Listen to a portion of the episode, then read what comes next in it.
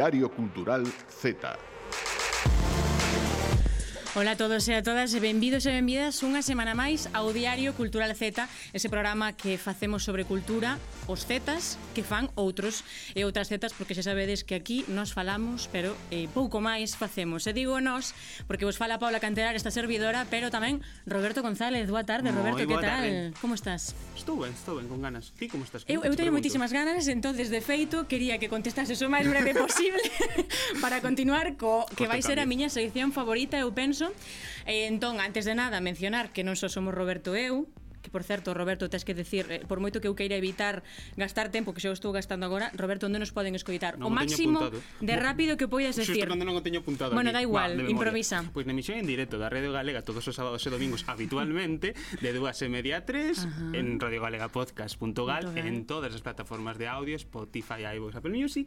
Eh, se queren vernos as caras, pois en YouTube na canle da TVG. Ai, mira que ben, faltou eh. un día máis que estamos tamén en Instagram, no perfil oficial da Radio Galega que subimos aí pois uns reels botando unhas risiñas tamén de momentos destacados das entrevistas que vamos facendo e de momentos que temos nos programas do Diario Cultural Z. Así que moi ben, Roberto, moi ben porque o fixeches rápido, Aprobado. como eu quería, rápido e furioso. Aí así estamos. Entón imos continuar eh co programa, máis ben imos comezar. Hoxe teremos a participación especial do noso técnico en o directo, Germán Cacheda, e de Amara Moimenta, a nosa productora tamén no directo porque e aquí é onde ven a miña parte favorita, trouxen cancións en outros idiomas, noutras linguas. Entón, eu vou nas a pinchar, vou nas a poñer, e só sei eu en que idioma fala, en que idioma está cantando esa persoa.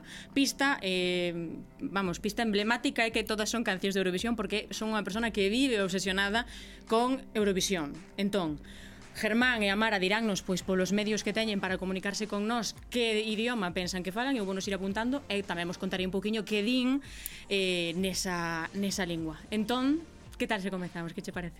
Estou nervioso. Eh? Eres o único que pode quedar nada, en eh. evidencia en directo, porque Germán e Amara, pois pues, ninguén os claro, ve. Claro. Eu non sei nada, nada. Quixen vale, facer aí a non trampa, pero non, non podemos. Eh, non, non fixo a trampa, que o estuven eu vixiando. Así que, Germán, pinchame a primeira das cancións e escoitade atentamente.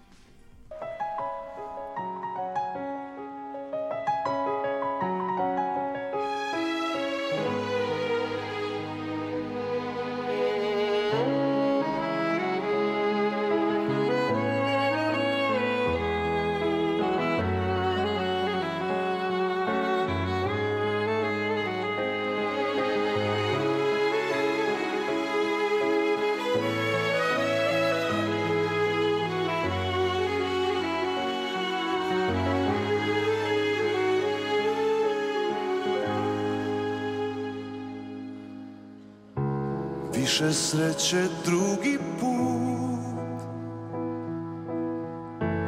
Kažeš mi to tako lako. Vidim da nam ne ide. A još kako moglo je. Iako odeš ti Nešto tvoje znam Papista non ganou nunca, está un país de centro Europa, eh, máis tirando para baixo, isto é de 2013, mira que, que estribillo tan bonito. Eu non máis sei, obviamente, pero... Tu es ante voleo... A ver, que? Hebreo, di amar. A di hebreo. Germán?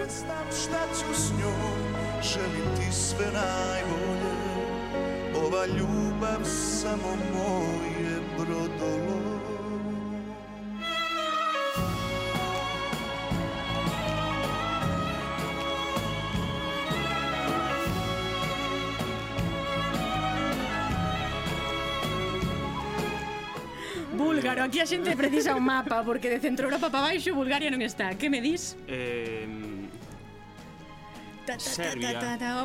Oh, un premiazo para Roberto, Serbio Vamos. Subille aí Vratio, Gledaj to sam samo ja Uvek sam te voleo Nije moja ljubav stvar Un punto para Roberto, xa vou apuntar que carallo escoitas ti?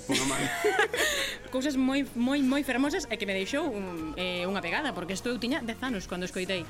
Pincha maña segunda, Germán, difícil tamén, eh?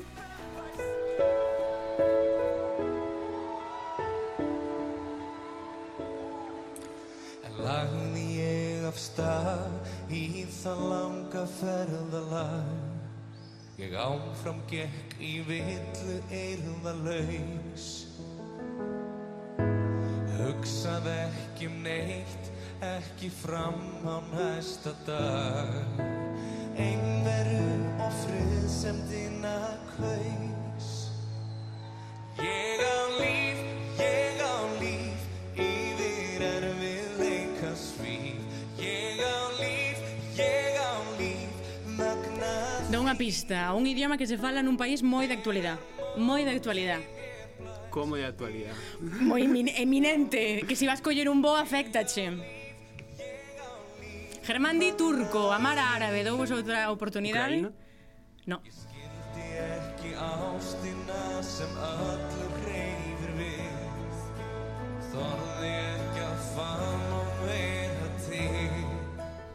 Israel. Un, no, un país un país europeo onde fai moito frío e onde vive moi pouquiña xente. Non vos podo dar máis. Eu estaba escribindo Rusia, onde é pouca xente. Mira, aí vai. Llega un leaf, llega un leaf,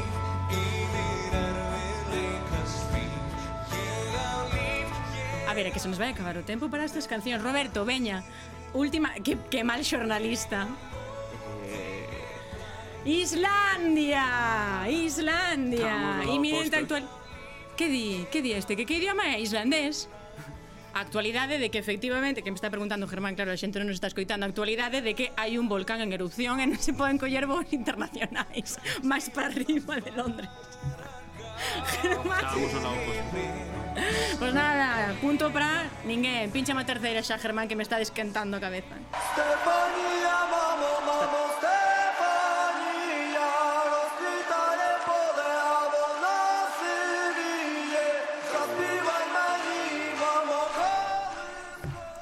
Que Seina. dis, Germán? Amara non sabe nada tampouco, está está moi... Gañou. Gañou, efectivamente, que idioma é? Ucraína. Este sí que é ucraíno. Por certo, non dicen de que iban as cancións. Esta, que ten un, estre... un, un estribillo moi chulo, eh, un retrouso moi chulo, perdón, eh, gañou Eurovisión no 2022, fala dunha nai, falan a unha nai dun dos rapaces do grupo, pero xusto, escribiu unha antes da guerra e xusto ten moito máis sentido agora porque é como se lle falaran a súa nai, a súa matria, a Ucraína. Bravo!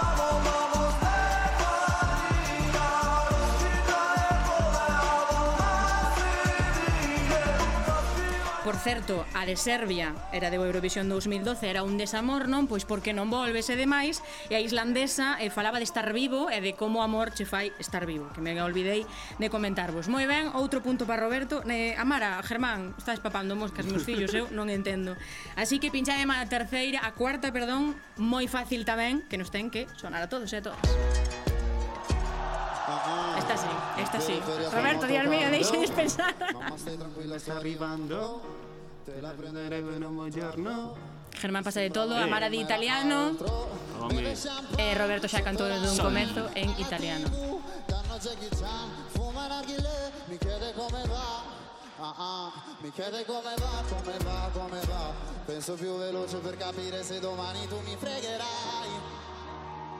Non ho tempo per chiarire perché solo ora so. Canta aí, Roberto, canta aí. É difícil estar en un pouco. Italiano.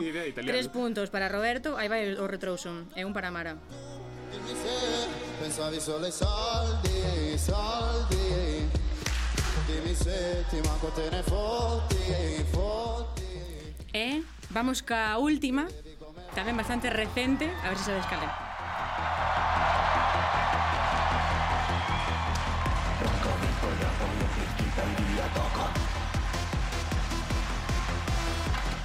mielenkiintona viina kolada ja rata.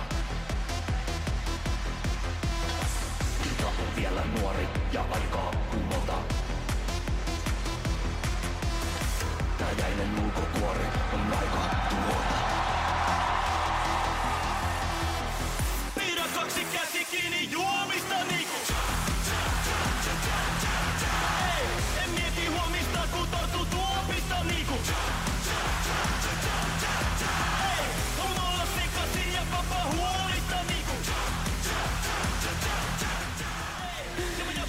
Germán di Finlandia, Suecia ou Noruega. E ti que dis? Finlandia, eh?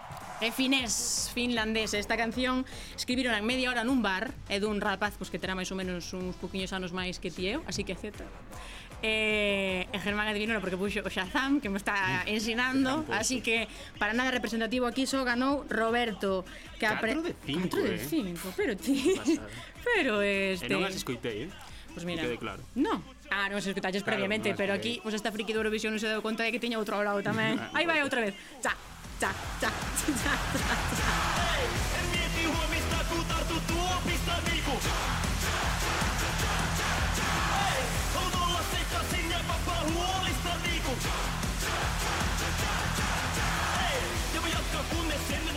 Pois efectivamente, como vedes, se sei outros idiomas é porque van a Eurovisión e non entendo, e aquí realmente eu viña a traer unha crítica, por que agora van cancións a Eurovisión de países como Rumanía, e Bulgaria, Italia, nós tamén somos un exemplo, e alevan en inglés. A ben que me importa entender a, mayor, entender por, o que quere decir. Para reivindicar Efectivamente, un, un por que non foron as tanxugueiras? Sigo sin entender.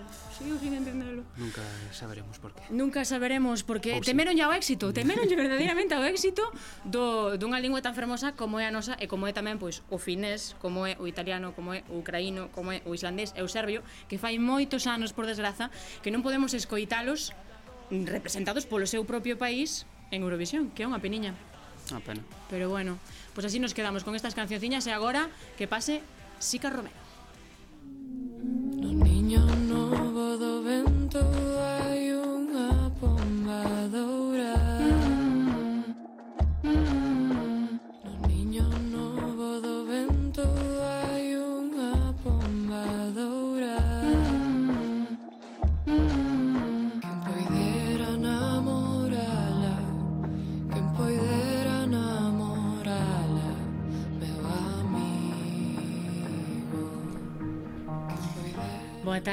Sica Romero, que nos traes hoxe? Que xa temos por aquí, pero aínda non se abriu o plano para que se vexa. Contanos. Pois hoxe vin cunha escritora de Burela a que, bueno, eu erguinme, vinme sentar e deixei deixeina atrás, menos mal que rescatástedes. Eh, Antía Llanes, aquí está, Boa que tal estás, Antía? Hola, maravillosamente ben. Sí, moi ben. Oxe, levánteme positivo. Oe, pois... Eh, Eso sempre está ben. Eh? É un bo día levantarse en positivo cando vas a Radio Galega, non? Eh, sabemos quen é Antía Yáñez, especialmente Paula, non? Sí, eu efectivamente xa lle dixen cando entrou, digo, eu a ti, obviamente, ela a mí non me vai coñecer, pero eu a ela sí porque viñera con Berta Dávila ao meu instituto cando leramos Senlleiras e eh, o derradeiro libro de Emma Olsen. Pois... Ela, claro, pois entre todos esos piolos pois non me viva a min, pero está ben aí. Pois ademais de Senlleira, Santía escribiu O misterio de Porto Marín, O misterio do Torque de Burela, Big Water, Plan de rescate e mm, o meu favorito que é Non penses nun elefante rosa. Les, le molo todos. É que es, todos. ibeche decir, menudo librazo. Eu creo sí. que eh, nombre, eu nomeeino aí atrás, cando foi a semana eh, pola, pola saúde mental, mm-hmm. mm. nomeei pois, unha serie de libros que, que son, eh, pois, ao final, historias, experiencias que poden servir para cando unha persoa está pasando por un deses malos momentos, eh, Non penses nun elefante rosa foi un deles. Eh, aí está. Eu creo que é un referente super importante mm. este libro. Eh, para, para falar destes temas mm. eh, que supoño que estará indo por polos centros e eh, roldando por aí, non? O elefante... o elefante rosa. Nos centros... Bah. Non ah, tanto. Que, A protagonista di moitos tacos, e, eh, bueno. Mm. bueno, é que ás veces temos así algunhas eh, eh temos dúbidas para reconocer o que é educativo e o que non. Os parámetros non sempre cadran. Mm. Eh, Eu escoiteiche dicir Antía nunha entrevista que sendo nena eh, xa escribías, pero pouco, porque se che facía callo no dedo de, de apretar aí ben o lápis, eh, e a día de hoxe levas moitos libros escritos, a parte de diso es autónoma, eh, se non me equivoco tes unha academia que dirixes? Sí.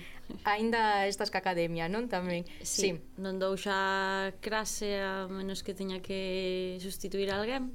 Pero aí pero sigues. Sí, sí, fajo eu aí vas aos institutos dar charlas, escribes artigos no en Luces, que aínda estábamos falando hoxe de dese de último que que sacaches, que eu son a primeira eh, lectora cada semana.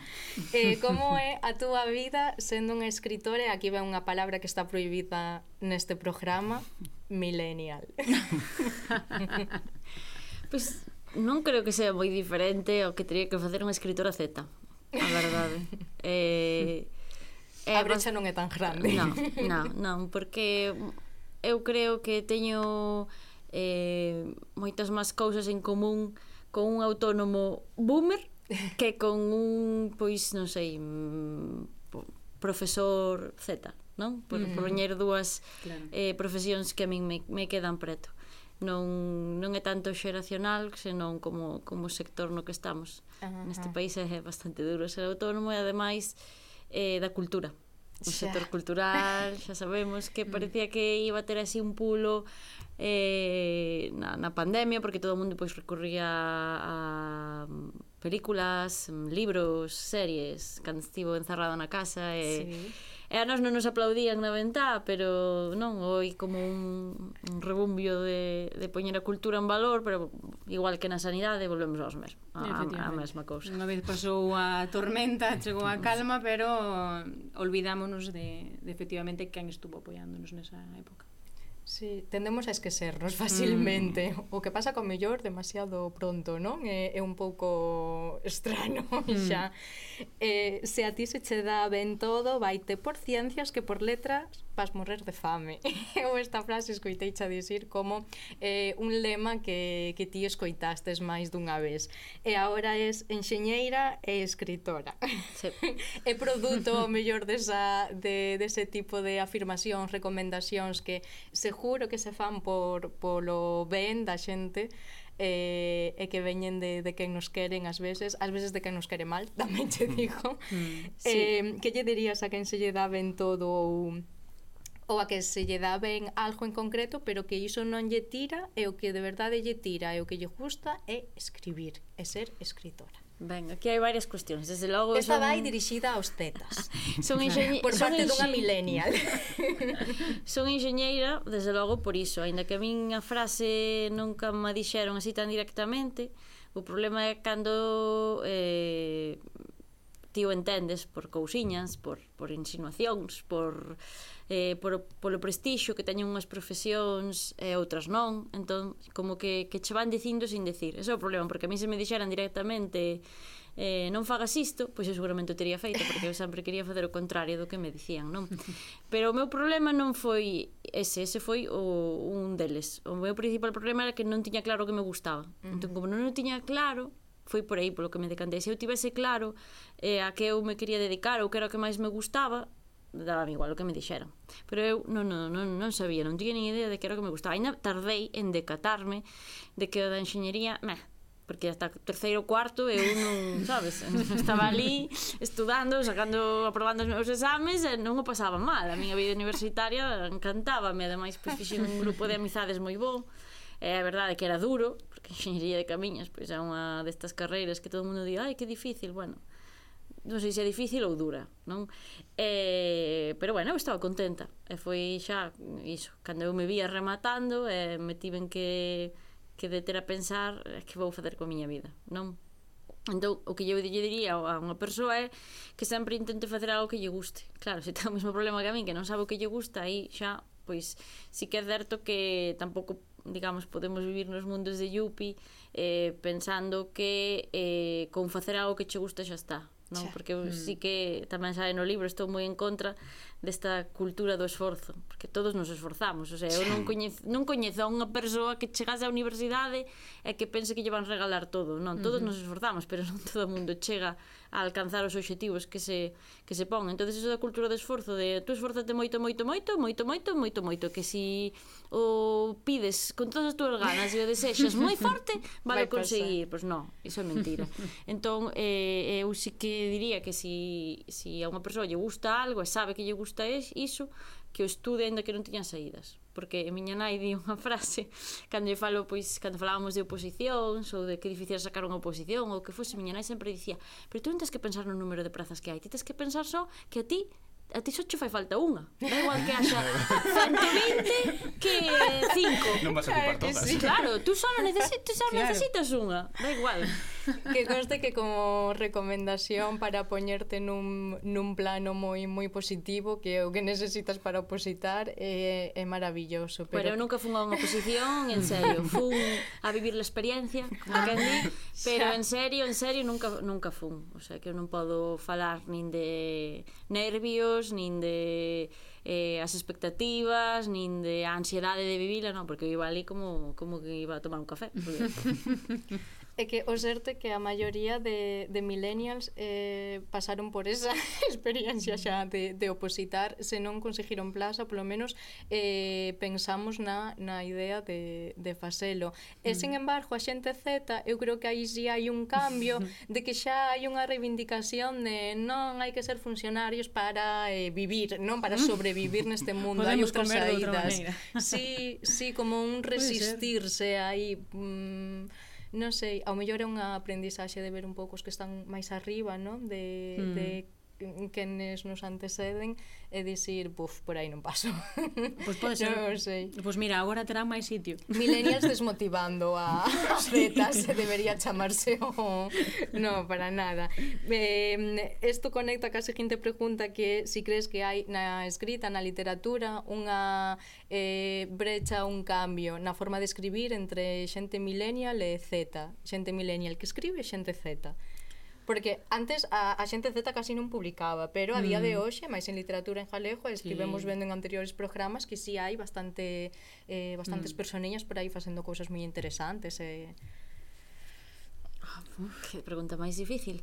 eh, volvemos ao mesmo. Eh, se, se ao final ti te dedicas a escribir ou da igual, narrativa, poesía, teatro, que sexa, supónse pois, que xa tes unha sensibilidade non para coa cultura, pois aínda que a mí me interese uns temas e outros escritor escritor e interesen outros, se hai unha, unha ollada mm, diferente. Non vexo que a ollada dos zetas e dos millennials sexa tan diferente, non? Pois claro. a mellor a eu agora, que acabo de ser nai, pois me apetece falar da experiencia de ser nai e a un Z, pois aínda non lle chegou, pero cando a un Z lle chegue, non teño ningunha dúbida de que a esa persoa lle a mellor si lle interesa, non? Pero bueno, suponse que se si nai ou pai che interesa o tema.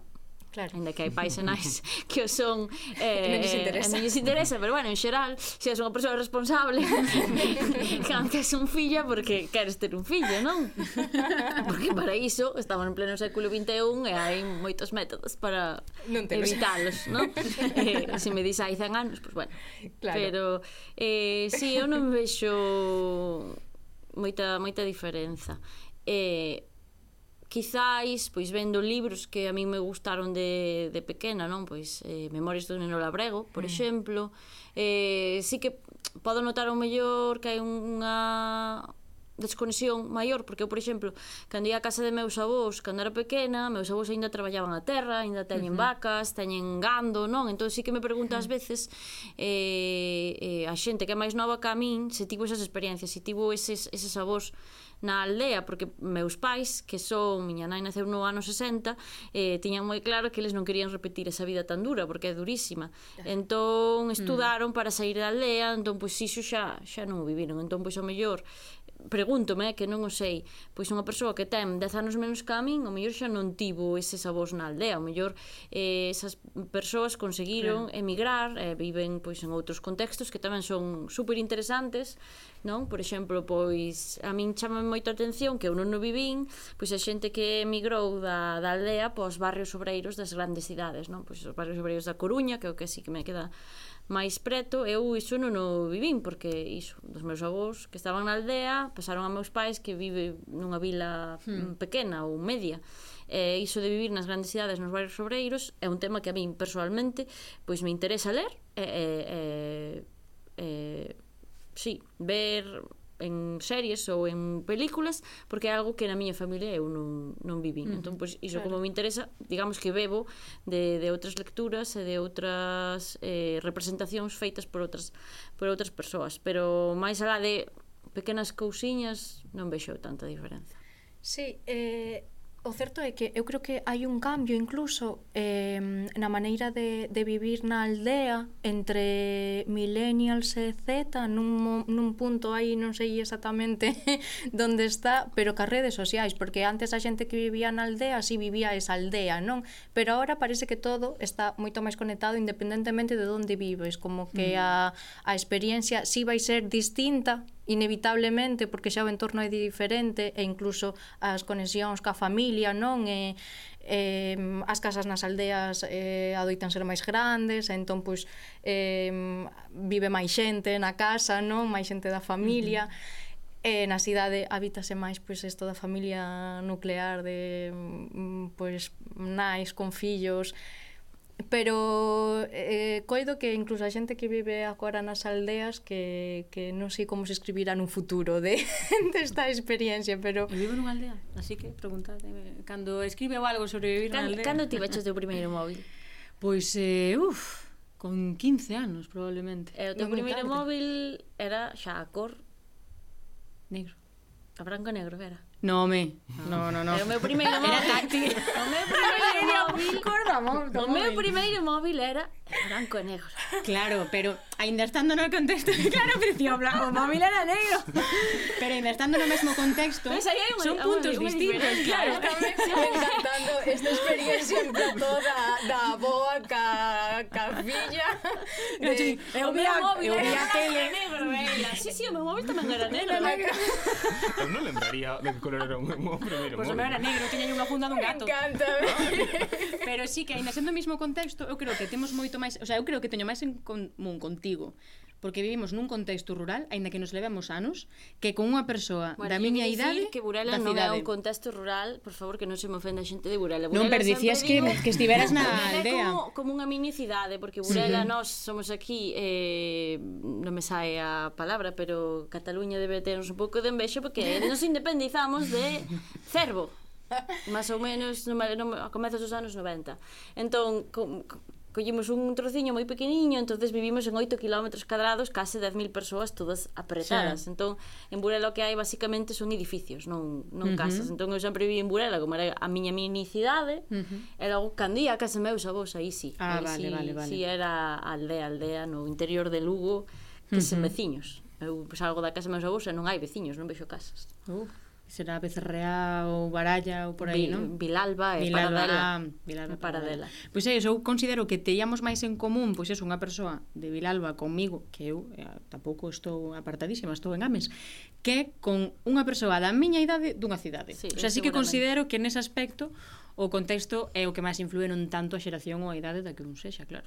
Contexto físico. Claro. Eh, vou vos cambiar de tema. Cambia, muller, para porque falar de, do... móviles en blanco e negro xa sabemos que non, non Para hai. falar dos, dos temas, porque escoiteiche unha cousa moi moi interesante eh, nunha entrevista que me dou para eh, bueno, razonar acerca acerca disto, que é que ti tratas moitos temas eh, sociais, non, que están aí pois eh, nos que temos posto o ollo eh, que, que se viven moito na actualidade eh, pero non te centra, non, non é un retrato deses temas. Eh, coido que, que a ver se si me explico falas de temas da actualidade, pois eh, as túas personaxe, personaxes son feministas, eh, falas, eh, eh, por exemplo, en plan de rescate da diversidade funcional, eh, pero que contas son vidas, son historias. Eh, que diferencia crees que hai entre mm, reivindicar un tema e escribir unha historia que sexa que pode, poida ir dirixida a calquera persoa que, que o lea, que non se sinta non sei, escribir para, para quen non se sente escoitada non? No, na literatura ou... Bueno, eh, Temos que partir de que mm, para min os libros sempre foron eh, un lugar refuxo e eh, un lugar de diversión, sobre todo.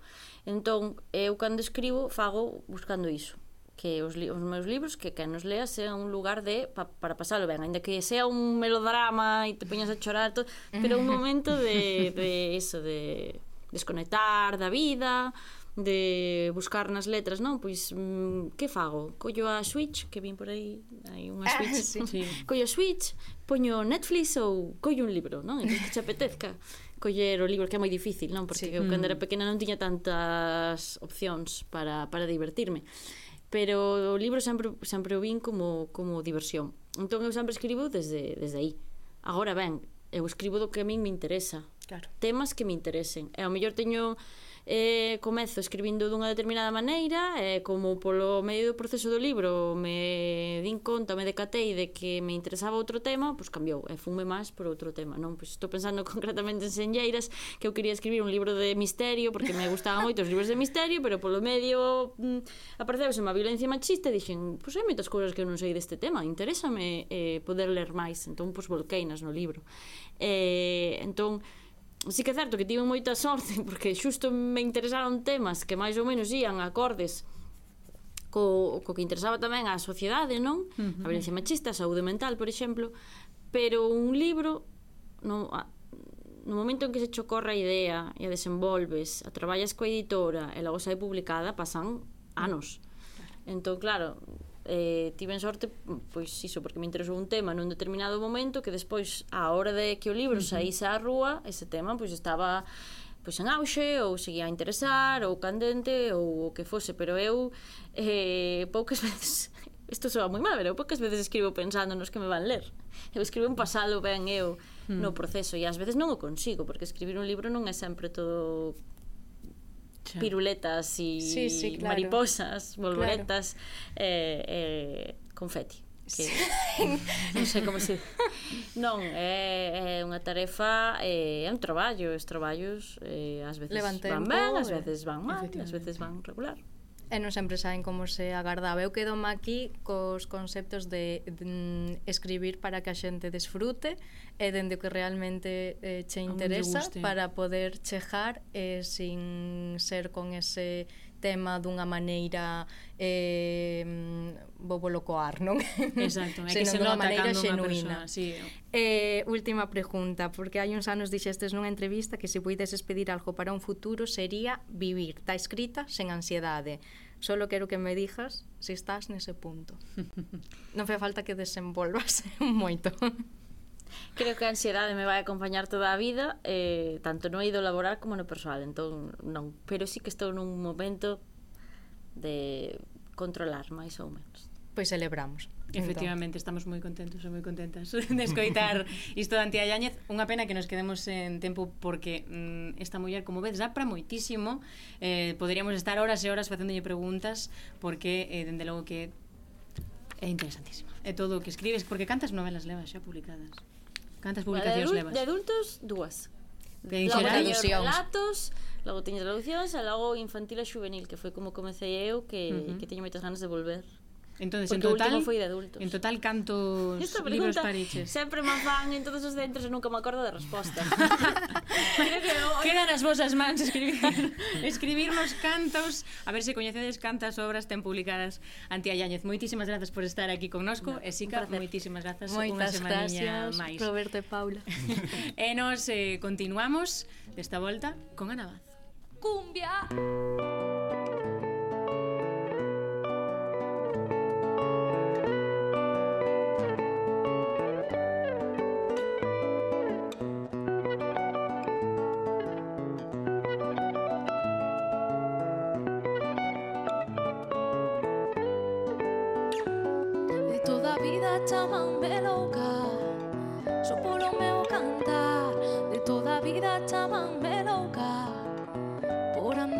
Soñar. De toda vida chamanme louca Só polo meu cantar. De toda vida chamanme louca Por andar a soñar. Se agora intento achegarme a ti. Así que imos de volta con Ana Vaz de la Riba Boa tarde, Ana, que tal? Hola Paula, hola Robert, ¿qué tal estades? Hola, moi ben. Estamos moi ben aquí contigo, ben acompañados Pois eu quería facervos unha pregunta para cambiar un pouco ese de, de xénero. Quería preguntarvos se vos gustan os musicais, se sodes fans dos musicais, se fostes a ver musicais. Sí, a min gustanme. Mira, non fun a ver moitos, eh? Mm, eu menos dos que me gustaría. Sí, eu, vamos, menos ningún dos que... O sea, encantaríame, pero penso que... Mira, aí hai un, un debatiño, eh? Porque eu creo que temos moi pouca cultura sí. do, de ir a musicais, de ir ao teatro e demais. Creo que xa falamos en algunha ocasión. Mm Pero sí, porque o dis, Ana, traesnos un musical logo para comentarnos. Sí, porque eu se quería, de feito, polo que dis, non, de que ás veces parece que hai un baleiro con este xénero, pois que nos achegásemos a, a este xénero, o xénero dos musicais, da man do actor galego Iván Márquez, que se especializou nestes últimos anos en teatro musical e que está agora a traballar nun musical, un musical de gran formato, que é o de Las aventuras de Peppa Pig, que é un musical Anda. que está a ter moitísimo éxito a nivel mundial, e ademais para público familiar. Eh, Iván, contanos como está a ser para él traballar nun espectáculo destas características. A verdade é que estar no show de Peppa Pig pois para min está sendo unha, unha aventura increíble, non? Porque eh, é certo que sí que xa fixera algún musical antes de, de pequeno formato, estiven de xira por Italia, eh, tamén estiven facendo unha xira nacional con, con un espectáculo de tributo a Coco, pero mm, o que estamos facendo en Peppa Pig pois é unha produción orixinal eh, que ven importada de fora onde as coreografías xa están pautadas dende fora eh, o estilo, a interpretación todo ten que ser fiel ao orixinal eh, ademais pois estou eh, nunha productora como eh, Proactive Entertainment que é unha gran productora de, de espectáculos eh, producen espectáculos como, como Disney on Ice por exemplo para min está sendo unha aventura increíble, moi moi gratificante, na que estou sendo moi moi moi coidado e moi arroupado. Eh, estamos podendo ir pois a, a teatros moi moi grandes e moi e moi guais de, de toda España, como por exemplo agora mesmo no, no Teatro de La Latina en Madrid. Así que para min pois está sendo unha experiencia increíble, e sobre todo a nivel profesional traballar eh, eh, non só cantando, interpretando, senón que aínda por riba eh, temos eh, esa outra característica que estamos manexando un, un unha marioneta eh, temos que ser tamén fieis ao que os nenos e as nenas coñecen de Peppa Pig entón iso é super emocionante Sí, que aí ten a dificultade engadida do, do tema dos monicreques, non? Que, que empregan tamén e que manipulan en mm. escena eh, para poder facer e crear todo ese mundo, non? Eh, eu quería tamén dicir, porque pode haber alguén que nos escoite, a quen lle soe a, a voz de Iván tamén daqui do Z, porque Iván pasará por Oceta hai varios anos, en maio de 2021, cando marchara a Madrid para especializarse en teatro musical logo de rematar os seus estudos na Sa de Galicia, e daquela pois viña a Oceta para falarnos eh, xunto a actriz Yori Lorenzo da compañía de teatro para público familiar Tricotri Teatro, que viñan de crear a Loe, coa que estaban a ter moito éxito e que, que é un proxecto moi chulo que agora teñen en pausa porque están os dous a traballar moitísimo noutros proxectos, como, como nos conta Iván, pero que, que está, está aí tamén ese proxecto e se alguén o quere volver a escuitar pois pode. En estes anos, como dicía, Iván completou a súa formación especializada en teatro musical na Escola de Coral Antón en Madrid e participou xa en diferentes musicais antes de entrar no de Peppa Pig. Entón, Iván, falanos tamén como foi a súa espe especialización neste xénero. A verdade é que comezar a estudar teatro musical, pois, para min foi, foi un pouquiño duro, porque mm, porque é certo que eu viña de, de, de estudar a carreira de arte dramática na SAD de Galicia e, e cheguei a Madrid con, con, pois, cunha gran base de, de teatro, de interpretación en texto. Pero claro, non tiña case coñecementos ningúns de, de danza eh, canto, pois sí que fixera dende pequeno pero non a este nivel de tan profesional. Eh, cheguei a unha escola na que me, me adiantaron un curso por, por, polo meu coñecemento en interpretación e o meu dominio. Entón topeime con compañeiras que, que eran bailarinas ou que xa levaban moito tempo cantando entón é aí onde aflora pois este pensamento de decir ui, isto non é para min eh, comecei moi tarde a formarme Pero bueno, pouco a pouco tes que ir dicindo ao cerebro Vale, ti que tipo de artista és e eh, que podes ofrecerlle a, a, a esta industria do teatro musical. Entón, pois, encamiñándome en cales son as miñas fortalezas Que, que son actor, que, que teño unha sólida formación de interpretación Pois teño que ir eh, mellorando e a día de hoxe, pois, aínda continuo eh, mellorando esas outras disciplinas nas que, nas que coxeo un pouquiño Que son a danza e o canto pero bueno, o máis complicado realmente para min foi foi decirlle ao cerebro que, que sí que que da igual a edad que teña, que, que sí que podo, eh, adiante. Penso que isto que di é moi, moi interesante e moi importante, porque moitas mm. veces está aí ese a síndrome da impostora ou do impostor mm. e, e esa voz de, ah, non, é que isto non podes, que isto é moi difícil, Eh, e penso que é moi, moi importante o que di Iván de valorarse, de saber o que unha ou un pode achegar. Eh, ademais, el, bueno, non sei se o percibistes eh, por a maneira que ten de falar, pero Iván, que o coñezo, é unha persoa moi humilde, el sempre traballa moitísimo para, para mellorar, para dar o mellor de sí, e sobre todo que desborda ilusión, unha persoa que sempre desborda ilusión pois, por o que fai, cando ves actuar, cando ves nalgún proxecto, cando fala do que fai, Eh, eu penso que iso tamén é moi bonito e inspirador, e, e máis pois, para, para un actor ou unha actriz. E claro, falando de, de inspiración, el contábame que quen o inspirou a el para seguir ese camiño que sempre lle chamara, pero non estaba pois aínda decidido, foi o actor galego Cristian Escuredo, que tamén eh, estudara na SA de Galicia, despois especializou en musicais, e que pois agora é un actor de musicais de moito éxito, fai moitos proxectos. Eh, e Iván vira en, en Priscila Reina del Desierto e, e logo despois pois, tivo a sorte de que Cristian foi o seu profesor en Madrid e se converteu no seu referente para el pois, seguir o camiño dos, dos musicais. Entón Iván, agora, como dicíamos, ten moitos proxectos eh, aí en marcha, ademais do de Peppa Pig, e faranos un poquinho pois, do que vai pasar con Peppa Pig, onde vai estar, e eh, que pasa cos outros proxectos que ten en marcha. Pois co show de Peppa Pig eh, continuamos agora a xira. Imos a estar esta fin de semana en Bilbao. Seguramente pro ano que ven voltemos eh, para Madrid. Eh, Logo pois en marzo tamén imos a ir a Granada, a Zaragoza, a Xixón. Eh, Pois a unha cidade que me fai moitísima ilusión eh, A Coruña. Imos a estar en Galicia o 10 de marzo. Eh, Iso con respecto a Peppa Pig. Logo, pois, tamén outro proxecto que teño así moi moi cedo agora é o 25 de decembro vou a estar coa banda de Vilatuxe nun concerto eh, teatralizado que fan todos os anos.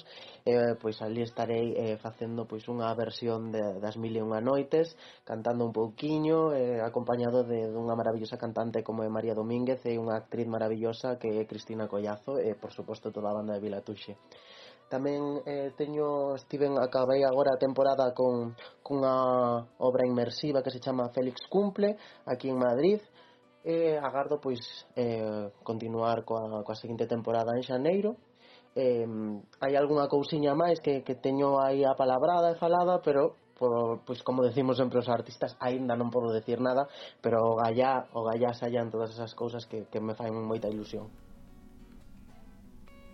ten aí ese, eses proxectos que tamén son moi interesantes, ademais do, do de Peppa Pig, hai que lembrar esa data, de, marzo, mm. que un deles é Félix Cumpleaños, que é unha, reposi bueno, unha reposición, unha vol volveron a poñer en escena un, unha peza que tivera xa moito éxito hai anos, que é un proxecto chamado Félix Cumpleaños, como nos dicía Iván, que o que fai é levar o teatro a espazos eh, non convencionais, neste caso a cafés, estivo agora en Madrid nun, nun café, e o que fai é introducir o público no, no feito escénico. Entón o público é como que acaba formando parte da, da peza teatral dunha maneira moi inmersiva e un proxecto moi moi interesante. E despois ese concerto teatralizado que nos falaba Iván que vai ter coa banda de Vilatuse.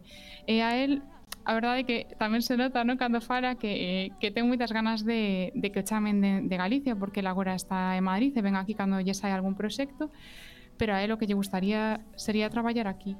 En musicais son outros proxectos escénicos que isto é unha cousa que el tamén comenta que el di eu son actor, eu estou especialicéme en musicais pero teño unha formación actoral e a formación en musicais me dá outras ferramentas, pero iso non quer dicir que non poida nin que non queira traballar noutros proxectos, non que é algo que tamén quería deixar claro. Eu cheguei a Madrid eh, co obxectivo de formarme e volver a Galicia con, con máis coñecementos e eh, eh, máis, máis experiencia. Pero o certo é que unha vez estando aquí dome conta que é máis fácil acceder a, a castings, a audicións, eh, polo feito de que en Galicia, pois, ao fin e ao cabo, sempre intentamos traballar con alguén que xa coñecemos, as compañías están máis pechadas, eh, unha vez que, que teño formación en teatro musical, en disciplinas moito máis alá que, que, que a interpretación, que son un actor que pode cantar, que tamén pode aprenderse unha coreografía, pois teño a posibilidade de acceder a, a castings máis abertos. Os castings de teatro musical están pendurados na, na rede para case todo o mundo. Entón, iso pois dame máis, máis, máis posibilidades de traballar pero eu estou morrendo de ganas de, de que algunha compañía ou me chame de, de, de Galicia ou unha productora para ir a miña terra e, e traballar. E a verdade é que teño a esperanza de que, de que este ano, pois sí, como vedes, isto de Vilatuxe, da banda que me fai moita ilusión ou algún proxectiño máis que agardo pois, pois, pois que saia, que sexan ali e, e poder voltar eh, amosarlle a toda a miña xente o, o que son que son un actor moito máis alá de, de, do teatro musical que pode facer moitas, moitas cousas eh, que está desexando pois devolverlle a Galicia todo todo o que aprendeu dela. Pois temos aí ese chamamento de, de Iván. Non sei se vos parece interesante se un, tedes algún eh, algunha cousiña aí que que vos quedase por por saber de, de Iván, se non tamén podemos Eu quero saber onde súas... poder velo, eh, me, mm. refírome, se ten así, po, podo ver o portfolio, se podo ver eh, en donde imos poder ver, ou se ten unha conta...